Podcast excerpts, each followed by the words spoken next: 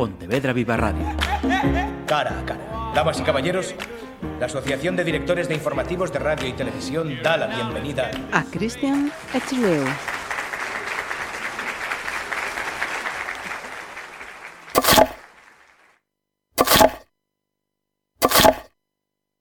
Philip cortó el puerro en el sobre la tabla verde. Llevaba una semana sin pasarle la chaira a su cuchillo cebollero y éste se empezaba a resentir. Y lo peor de todo, el puerro también.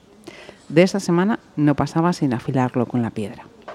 El borboteo en las ollas de hierro era para él como una especie de hilo musical que se entremezclaba con el ruido de la campana. Una pirámide de color plata reluciente sobre seis fuegos y una plancha, que en esos momentos succionaba los efluvios que emanaban de un fondo moreno de buey y un fumet de pescado. Sí, ese sonido le relajaba. Y los aromas que escapaban al poder de la campana también. Sabía que bajo esa calma chicha todo estaba controlado.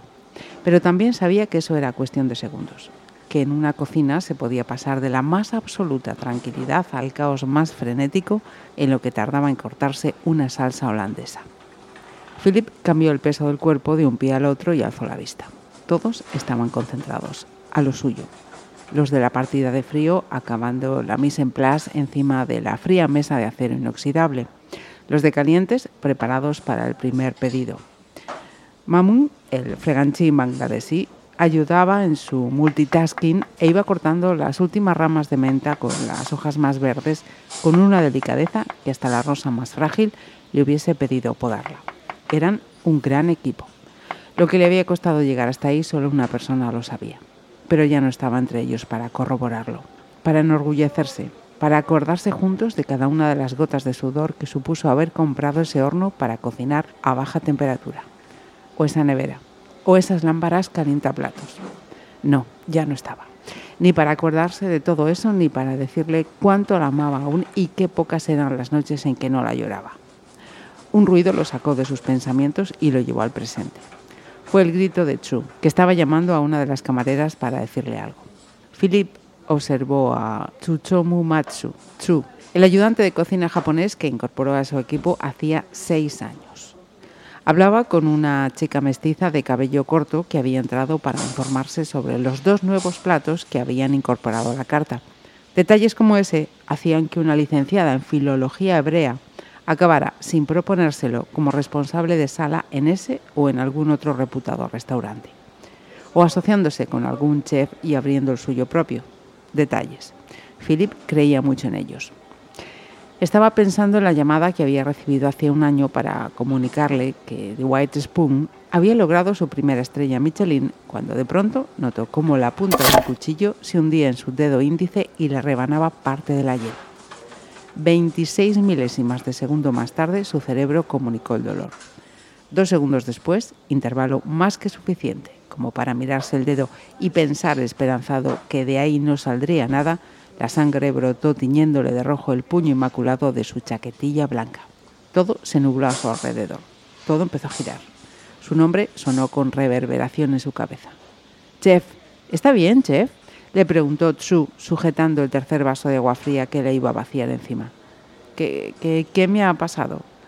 Joder, chef, ¿en serio que no acordarse? No, solo recuerdo que estaba cortando puerros y volverse a desmayar, chef, le explicó Tsu. Se cortó dedo y caerse como un castillo de naipes. A Philip le hacían gracias esas expresiones que Tsu sacaba de vete a saber de dónde, pero que él nunca le diría que estaban mal empleadas valoraba enormemente el esfuerzo de una persona con una lengua tan distinta a la suya, integrándose en un país que no era el suyo como para irle apostillando. Su pidió ayuda para incorporarlo y al momento acudieron Máximo, el sus chef, y Ricardo, el sommelier chileno. Philip se miró el dedo y vio que ya estaba vendado a conciencia.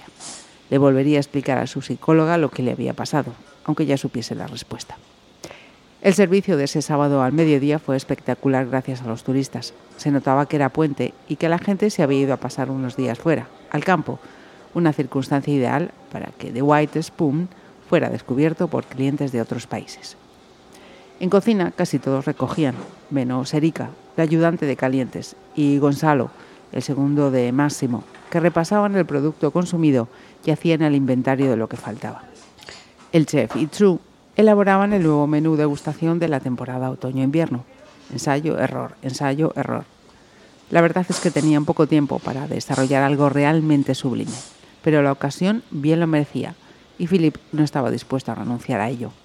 Hacía pocas semanas habían recibido un chivatazo diciéndoles que una de las revistas culinarias más prestigiosas del país se dejaría caer por The White Spoon, una publicación muy influyente, tanto como que la segunda estrella Michelin estaba en juego. El chef y su ayudante estaban inmersos en la combinatoria entre algas y frutos secos cuando la puerta de doble hoja de la cocina se abrió de par en par. Ricardo el sommelier se dirigió a Philip. Chef, tiene visita. Sin levantar la mirada de sus pinzas, respondió. Salgo en cinco minutos. Tiene que ser ya, chef. ¿Perdona?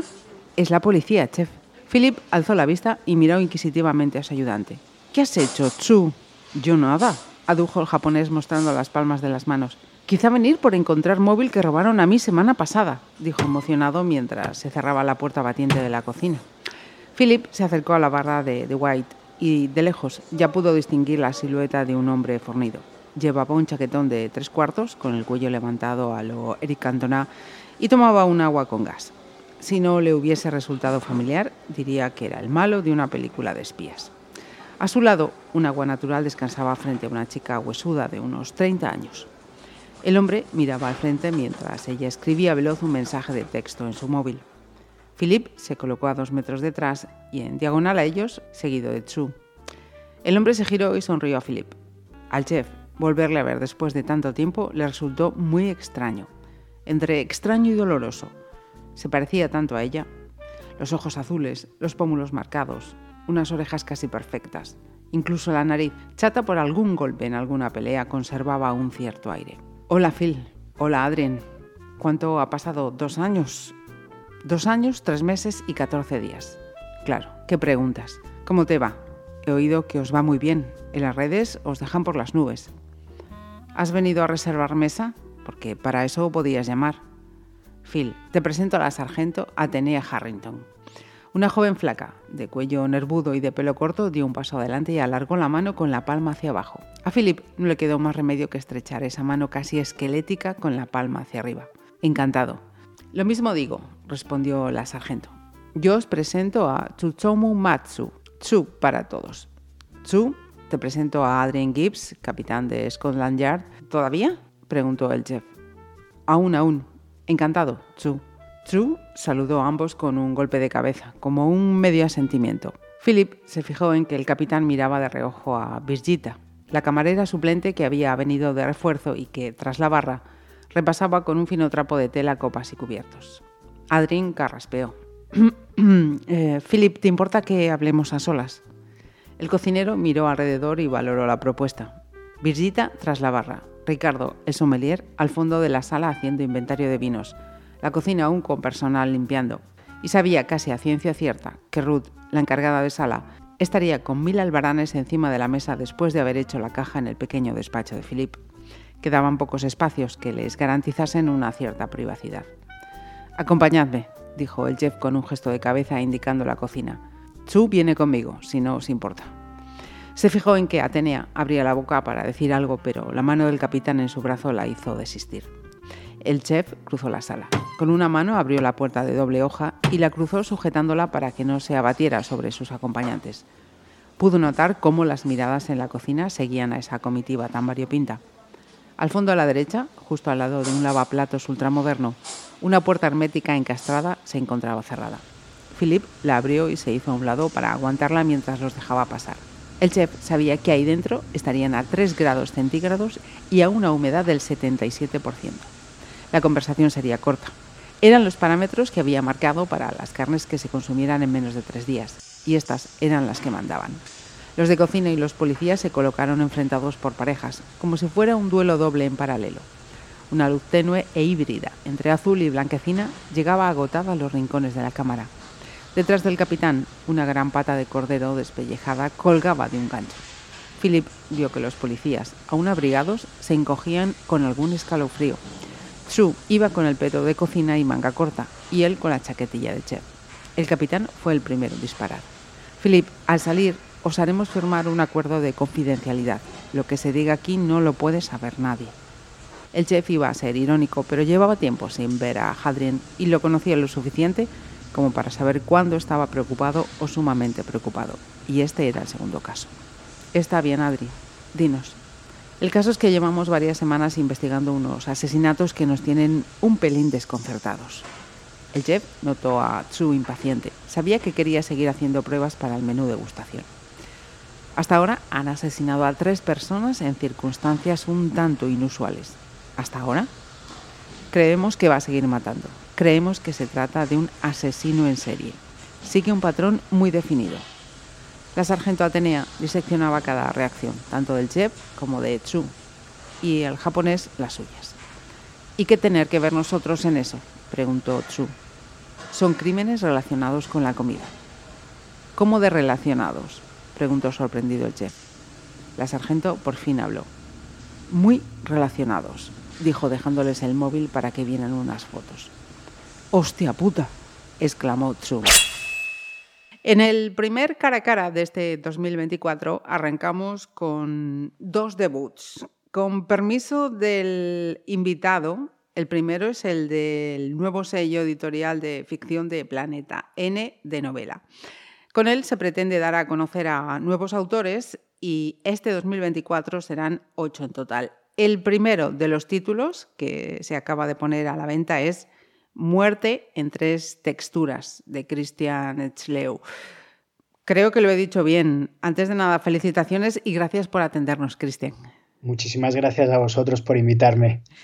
Vamos a conocerte un poquito. Em, ¿Eres creativo de publicidad? ¿Has estudiado cocina? Durante siete años has tenido dos restaurantes. Luego has estudiado narrativa, has sido profesor y actualmente estás de nuevo en el sector publicitario y ya has publicado, como acabamos de decir, tu primer libro. ¿Cómo está siendo esto de añadir lo de escritor de novela y ser el primero que estrena este sello editorial? Pues la verdad es que está siendo una pasada. Eh, eh, estoy súper ilusionado, súper orgulloso, muy motivado y, también, ¿por qué no decirlo? Con un, bueno, con un añadido de responsabilidad, ¿no? Porque es, es un sello nuevo que, se lanza ahora justo con, con mi primera novela. Entonces es un, es un añadido de, peso, de peso extra, pero, pero también te digo que disfrutándolo mucho, que como todo en la vida es súper efímero, las cosas buenas aún más, entonces estoy intentándome aferrar a la, a la mesa y, al suelo y vivirlo, vivir cada, cada segundo de, de toda esta experiencia que está siendo increíble y, haber trabajado con el sello, el, equipo, el trabajo en equipo que ha habido, eh, lo, bien que me han tratado, vamos, no, no, se, puede, no se puede pedir más. Publicidad, restauración, escritura. ¿Eres de muchas inquietudes de tener que cambiar de disciplina cada X tiempo o, son vocaciones que están ahí a las que va llegando su momento? Bueno, eh, soy, soy bastante culo inquieto, todo hay que decirlo. Entonces me mueven, me mueven muchas cosas. Eh, encuentro que hay cosas demasiado interesantes y demasiadas cosas interesantes para, para tan poco tiempo, ¿no? Eh, pero sí que es verdad que en la escritura y, y, en la cocina es donde he profundizado más, son dos de mis, de mis pasiones y donde, donde he rascado más y donde me, he empleado más, más a fondo. Vayamos a Muerte en tres texturas, una novela con el adjetivo de gastro thriller. perdón. He leído que fue una experiencia personal en un día concreto la que te hizo que se te encendiese la bombillita para ponerte a escribir esta historia. Correcto, correcto, sí, sí. La verdad es que era un día que justamente salía de, un local, de uno de, del segundo restaurante que, abrí, y, me movía, me iba a una agencia de de publicidad justamente a hacer un freelance. Entonces pasé por delante de un restaurante donde, donde recordaba que hacían unos garbanzos espectaculares, buenísimos, eh, con su panceta, su tomatito, un poco de pan rallado y no me, no me llegaron a decir más nunca por, no desvelar la, receta. Pero bueno, hacía muchos años que no iba, pero, pero recordaba que esos garbanzos valían mucho la, mucho la pena. Entonces fue eh, sobrepasar la altura de ese restaurante y vi un accidente de moto donde una ambulancia estaba socorriendo a un, a un, motorista tendido en el suelo, el que solo veía las piernas, y, entonces aquello que, bueno, que, la mente es imprevisible, ¿no? Empiezan a desencadenar imágenes en, la cabeza y me empecé, empecé a imaginarme lo peor. Eh, pues heridas abiertas, fracturas y, el estómago, pues eso, eh, desgarrado, abierto en canal. Y entonces ahí es donde hice la primera conexión, ¿no? Eh, relacioné el restaurante por el que había pasado, el que acababa de pasar, con, con ese accidente y pensé, ostras, ¿y si, y si esa persona acaba de salir de, comer de ahí? Porque era justo el, era primera hora de la tarde, justo después de, comer, y, pensé, ostras, podría ser una buena premisa para, para, una buena historia, ¿no? Un buen arranque. Pero, pero pensé que, sería, sería buen arranque en un, en un escenario de, investigación, en un escenario criminal, ¿no? Y ahí es donde se, se desencadenó todo. Después ya pasé a pensar en, en, ostras, en que realmente se ha escrito mucho y muy bien sobre tenientes, sargentos, comisarios y demás. Y, pensé, ostras, es que está muy manido todo esto, ¿no? Pero, pero la misma temática me lo ponía en bandeja, que es la gastronomía. Entonces me lo puso ahí, delante de los ojos. Eh, pensé, ostras, ¿quién mejor para, para pivotar todo esto, ¿no? Para, para, para encarnar todo esto, toda esta investigación, eh, que, un, un, cocinero. y, ahí es donde, donde empecé ya. La misma trama me llevó a la tipología de personaje, no al perfil, pero sí a la, tipología. Pues delante de los ojos, Cristian nos pone ante un prestigioso, vaya, como estamos hoy, chef londinense y su ayudante japonés, a quien es Scotland Yard, requiere como colaboradores para ayudarles ante los crímenes de un asesino en serie muy sádico que además eh, cocina y emplata maravillosamente. Ya que hablamos de este gastro thriller, thriller nada, hoy se nota que no tengo el día. Mi opinión es que bueno. has, has maridado muy bien al publicista, se nota ese enganche, al cocinero y al narrador. Yo creo que ya me has eh, respondido antes a esta pregunta, mm, pero tenía aquí previsto preguntarte cuál ha quedado más satisfecho. Pues todos, todos eh, a partes iguales, ¿no? Eh, yo creo que, que, bueno, a nivel publicitario me, se, nota, ¿no? Este, este tono directo y este lenguaje tan cinematográfico, porque de hecho la, publicidad no hace otra cosa que, mamar del cine. Y, bueno, y a nivel eh, gastronómico, pues, pues también, ¿no? Ha sido un compendio entre tres patas, porque una es la publicitaria, otra es la gastronómica y otra es la narrativa, porque en mis últimos años estudié narrativa, hice un año de narrativa y dos de novela, que me dieron muchísimos instrumentos y, y herramientas, ¿no? Para poderme desenvolver de la mejor manera posible y, poder eh, transmitir lo que quería transmitir en cada momento, ¿no? Entonces, eh, y, obviamente el tema gastronómico, eh, pues ahí me sentí, me sentí muy bien y muy satisfecho porque, porque me encanta la cocina y, realmente los siete años de bagaje que tenía de abrir los dos locales, los dos negocios y también haber estudiado en una escuela de hostelería de Barcelona y también trabajado durante las noches, eh, durante meses en un restaurante, pues, pues ostras, me, pusieron la pila y, realmente estoy satisfecho a partes iguales en, las, tres, en las tres patas. con, todos los argumentos, además. Mira, en cuanto al género, el thriller, em, ¿qué lee Cristian? soy bastante ecléctico la, ecléctico, la verdad. No me gusta mucho la novela negra, pero bueno, puedo saltar de un Murakami a un Trueba, a una Patricia Highsmith o a un Paul Auster. No tengo tengo muchas, muchas referencias, pero pocos referentes, la verdad, en este sentido.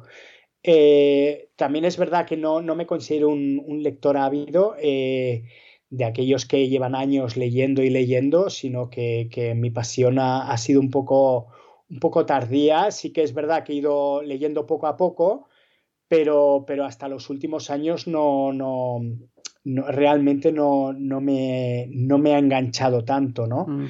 pero, pero bueno, me muevo, pues eso, eh, literatura, eh, novela negra, me gusta mucho, pues, eh, Pierre Lemaitre, me gusta mucho Fred Vargas, Patricia Highsmith, Don Winslow, no sé, muchas, muchas referencias, pero, pero ya te digo, pocos, pocos referentes. Eh, están bien mezclados los ingredientes. Sí. Mira, entrando en algunos detalles de, la novela, hay algunas eh, reflexiones que me han parecido muy interesantes, por ejemplo, em, sobre redes sociales. Así que le pregunto al, creador de contenidos, eh, ¿vetos o, todo vale en, estas herramientas de, de, hoy en día? No, no, no. Yo creo que no, que no todo vale, ¿no? pero en el caso que nos ocupa, como es el de, la, el de la novela, sí que es verdad que ahí el cuerpo policial se apoya en, una máxima ¿no? de, que, de, que, el fin justifica los medios. Y ahí lo que sí que intenta hacer es eh, pues, pues coger de una debilidad, un, hacerle una fortaleza, ¿no? Esa debilidad que tenemos todos a estar eh, muchas veces, muchas horas al día enganchados en las redes pues ellos lo aprovechan y lo canalizan de tal manera que les pueda ayudar en la, en la investigación, ¿no? Claro, ellos eh, se, apoyan en el hecho de que, de que, de que, bueno, algo tan sugerente como puedan ser las fotos de, comida, ¿no? Porque la comida es de las cosas más fotografiadas en redes, pues aprovechan esto sumado al, hecho de que, de que, pueda ser algo sensacionalista también, porque, porque el asesino en serie cuelga contenido, ¿no? y, de qué es noticia, de qué es noticia, una noticia mm, más allá de, ser nacional, es internacional ya. Entonces se, apoyan en todo esto para, para intentar recabar, recabar pistas, ¿no? Obviamente eh, estamos todos muy expuestos y, y creo que en este caso sí que tiene sentido, pero que no, que no todo vale. Hay, hay realmente, yo he visto barbaridades que, no creo que, que, sea, que sea bueno ni sano eh, verlas. Sí que está bien, eh, obviamente, estar informado, pero, pero explayarse yo creo que es un paso más allá y que, y que en la medida de lo posible pues se debería evitar y más también de cara a, gente joven y a, niños, ¿no? que, que están, lo tienen al alcance de la mano todo y están también eh, extremadamente expuestos. Mira, em, ¿has eh, probado la inteligencia artificial para configurar alguna historia, aunque sea de vajilla? No, nada, nada, cero, cero. No, no. La verdad es que últimamente en publicidad sí que estamos tocando el tema de, la inteligencia emocional, artificial, emocional sí que faltaría, la verdad, pero, pero no, no, para, para nada, para nada. Eh, todo fue creación propia.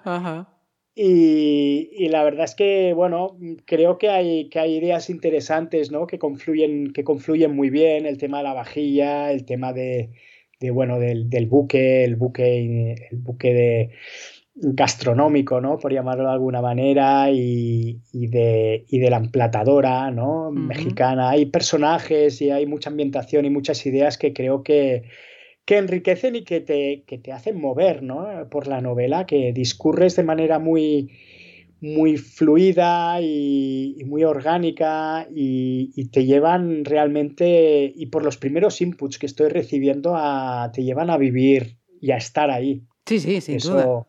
Eso es buenísimo. Y de manera muy, muy original, además. Y, otra cuestión también para, para el cocinero. Eh, un restaurante lo que tiene que transmitir son experiencias. Total, sí, sí. Sí, sí, bueno, hemos llegado a, ese punto, ¿no? Eh, antes quizá no tanto, eh, antes de la apertura de, con las redes sociales, antes se conocía más lo que era el, restaurante en sí, pero ahora se, ahora rascas, rascas y puedes llegar hasta, hasta el filón, ¿no? Hasta, hasta la, chispa de dónde sale todo, ¿no? Y, vemos, pues eso, vemos cocineros eh, a la altura de, de estrellas del rock, ¿no?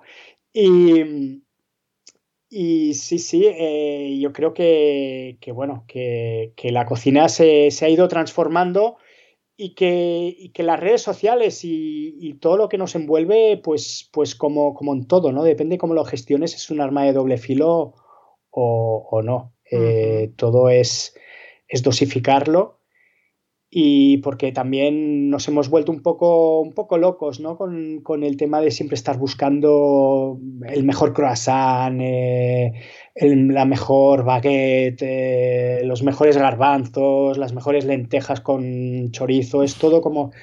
Pues hay tantos nichos y puedes focalizarte todo, está todo tan segmentado que, que nos hemos perdido a veces un poco el, un poco el oremus. Sí.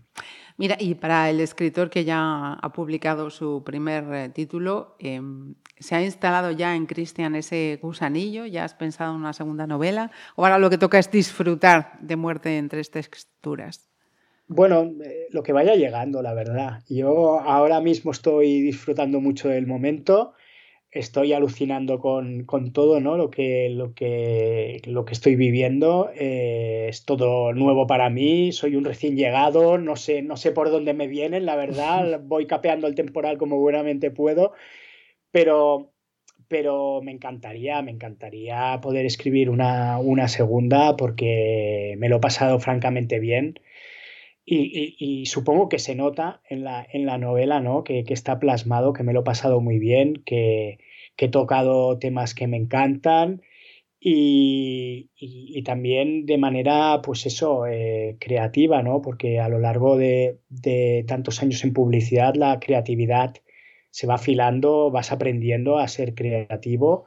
Eso de que la gente nace creativa y tal, bueno, es un poco mito. Eh, la creatividad se trabaja, se trabaja mucho, sí, sí, como, como esta novela se la he trabajado.